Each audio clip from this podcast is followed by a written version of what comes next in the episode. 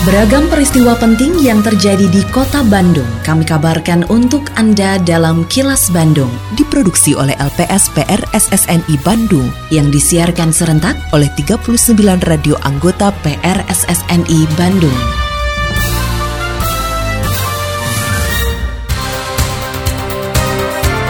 Sejumlah informasi aktual kami hadirkan untuk Anda dan inilah informasi utamanya.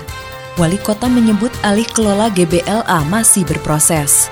Menjaga kesehatan makanan untuk mencegah penularan hepatitis akut misterius. BPS Kota Bandung bakal lanjutkan sensus penduduk bulan ini. Saya, Santika Sari Sumantri, inilah kilas Bandung selengkapnya. Wali Kota Bandung Yana Mulyana optimis Stadion Gelora Bandung Lautan Api atau GBLA bisa digunakan secepatnya. Hal ini mengacu pada proses lelang kerjasama pengelolaan atau KSP Stadion GBLA dengan pihak ketiga yang saat ini sebagian besar telah ditempuh. Nantinya pemerintah kota Bandung akan bekerja sama dengan pihak ketiga dengan sistem kerjasama pengelolaan untuk mengelola Stadion GBLA dengan durasi kerjasama selama 30 tahun. Proses alih kelola Stadion Gelora Bandung Lautan Api atau GBLA di Gede Bage, Kota Bandung oleh pihak ketiga masih berlangsung. Yana Mulyana mengatakan salah satu pihak yang sangat berminat mengelola GBLA adalah PT PBB sebagai pemilik Persib Bandung. Sejak awal PT PBB sudah mengajukan pengelolaan GBLA, namun sempat terkendala.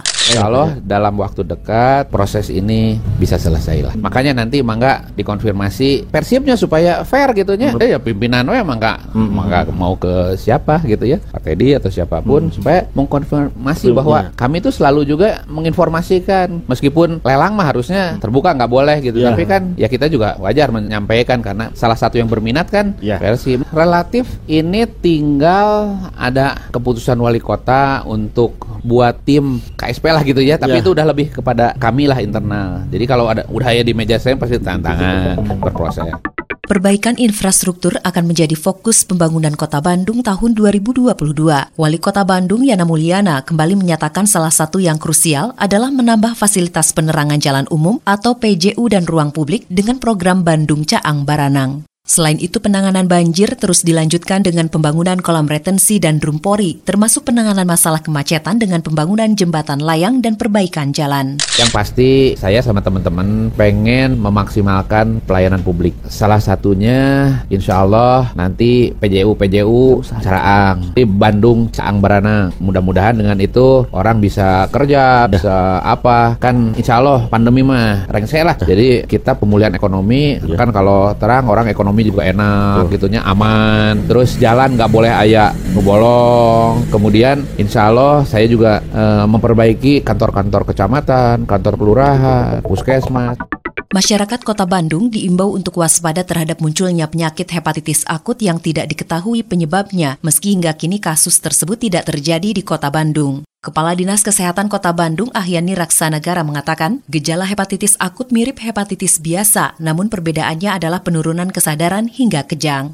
Menurut Ahyani, hepatitis akut berpotensi menular melalui mulut dan makanan, juga penggunaan alat makan atau barang pribadi yang bersamaan. Oleh karenanya, masyarakat kota Bandung diimbau menjaga perilaku konsumsi makanan dan menjaga kesehatan makanan sebagai upaya pencegahan yang utama.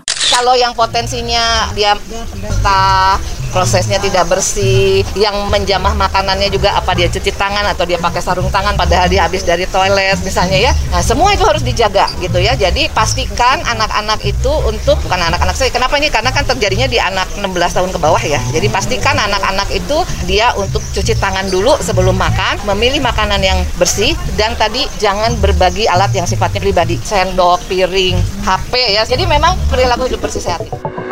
Assalamualaikum warahmatullahi wabarakatuh. Sampurasun. Saya Kenny Dewi Karyasari, Kepala Dinas Kebudayaan dan Pariwisata Kota Bandung, menginformasikan kepada Mitra Pariwisata Kota Bandung bahwa berdasarkan Peraturan Wali Kota Bandung Nomor 36 Tahun 2022 tentang pemberlakuan pembatasan kegiatan masyarakat level 2 Coronavirus Disease di Kota Bandung. Selama pandemi COVID-19, kegiatan di lokasi wisata, museum, dan galeri seni diperbolehkan dengan wajib menggunakan aplikasi Peduli Lindungi untuk melakukan screening screening terhadap semua pengunjung dan pegawai. Waktu operasional ditetapkan mulai buka pukul 10 sampai dengan tutup pukul 18. Kapasitas pengunjung lokasi wisata diatur sebagai berikut. Saung Angklung Mang Ujo paling banyak 500 orang, Kebun Binatang Bandung paling banyak 2000 orang, Trans Studio Bandung paling banyak 1750 orang, Karang Setra paling banyak 1125 orang, Kiara Arta Park paling banyak 1500 orang per satu waktu. Kapasitas pengunjung museum dan galeri seni dibatasi 75%. Pengunjung dibatasi paling lama 2 jam untuk berada pada lokasi wisata, museum, dan galeri seni. Pengunjung dengan usia di bawah 12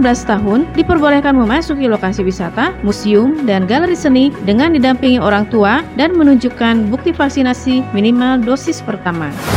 Ayo mitra pariwisata, bersama-sama kita wajib melaksanakan protokol kesehatan, pencegahan, dan pengendalian penyebaran COVID-19 secara ketat, konsisten, dan disiplin. Iklan layanan masyarakat ini dipersembahkan oleh Dinas Kebudayaan dan Pariwisata Kota Bandung. Kini, audio podcast siaran Kilas Bandung dan berbagai informasi menarik lainnya bisa Anda akses di laman kilasbandungnews.com.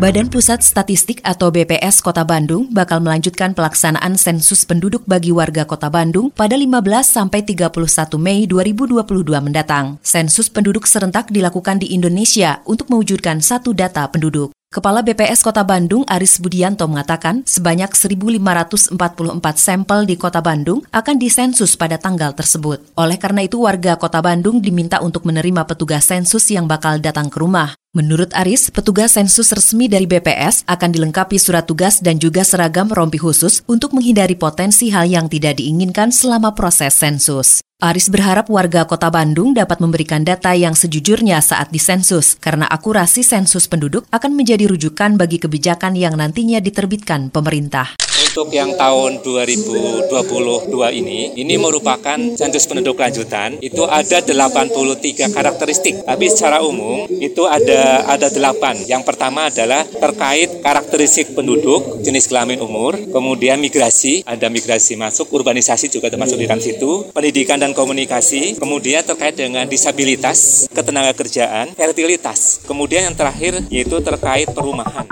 Pengadilan Negeri Bandung kembali menggelar sidang lanjutan kasus penyebaran berita bohong dengan terdakwa Bahar bin Smith dengan agenda pemeriksaan saksi. Jaksa penuntut umum menghadirkan lima saksi termasuk Tubagus Nur Alam yang mengaku tidak melihat langsung Bahar berceramah di Kampung Cibisoro, Desa Nanjung, Kecamatan Marga Asih, Kabupaten Bandung pada 10 Desember 2021. Sidang sempat diwarnai perdebatan antara Bahar bin Smith dengan saksi yang menyatakan melihat video di akun YouTube Tatang Rustandi lima hari setelah video diunggah, yaitu pada 16 Desember 2021. Setelah melihat tayangan video YouTube tersebut, Tubagus mengaku membuat laporan ke Polda Metro Jaya pada tanggal 17 Desember 2021. Namun ia mengaku diperiksa oleh penyidik di Polda Jawa Barat. Selain Bahar bin Smith, Tatang Rustandi yang mengunggah video ceramah Bahar bin Smith di kanal YouTube juga ditetapkan sebagai tersangka dalam kasus ini. Anda kok bisa melaporkan saya itu kenapa? Ya, ada yang juga tidak melihat itu ada unsur kebohongan. Anda tahu dari mana itu bohong? Dari berita. Dari berita. Ya, Anda yakin itu bohong? Yakin. Yakin. Yakin. Kalau Anda memiliki keyakinan itu bohong, saya memiliki keyakinan itu benar. Assalamualaikum warahmatullahi wabarakatuh. Sampurasun, warga kota Bandung yang saya hormati dan saya cintai. Saya Tono Rusdiantono, Kepala Dinas Sosial Kota Bandung menghimbau kepada seluruh warga kota Bandung Para wisatawan dan para pengguna jalan Untuk tidak memberikan uang atau sedekah kepada pemerlu pelayanan sejahteraan sosial atau PPKS Di antaranya anak jalanan, gelandangan, dan pengemis Karena mengganggu ketertiban umum dan kelancaran arus lalu lintas. Selain itu, saya juga meminta kepada seluruh seluruh warga kota Bandung untuk tidak menggalang dana atau meminta sumbangan di tengah jalan dengan dalih apa pun. Terlebih kegiatan itu tanpa mengantongi izin resmi dari Dinas Sosial Kota Bandung. Apabila Anda menemukan adanya PPKS maupun penggalangan dana, diminta partisipasinya untuk melaporkan hal tersebut kepada Dinas Sosial Kota Bandung. Salurkan donasi Anda hanya melalui lembaga resmi. Wassalamualaikum warahmatullahi wabarakatuh. Lindungi diri, keluarga, dan orang sekitar dari COVID-19 dengan selalu memakai masker, mencuci tangan dan menjaga jarak, juga mengurangi mobilitas serta menghindari kerumunan. Patuhi protokol kesehatan di masa adaptasi kebiasaan baru untuk mencegah penularan virus corona. Terima kasih Anda telah menyimak kilas Bandung yang diproduksi oleh LPSPR SSNI Bandung.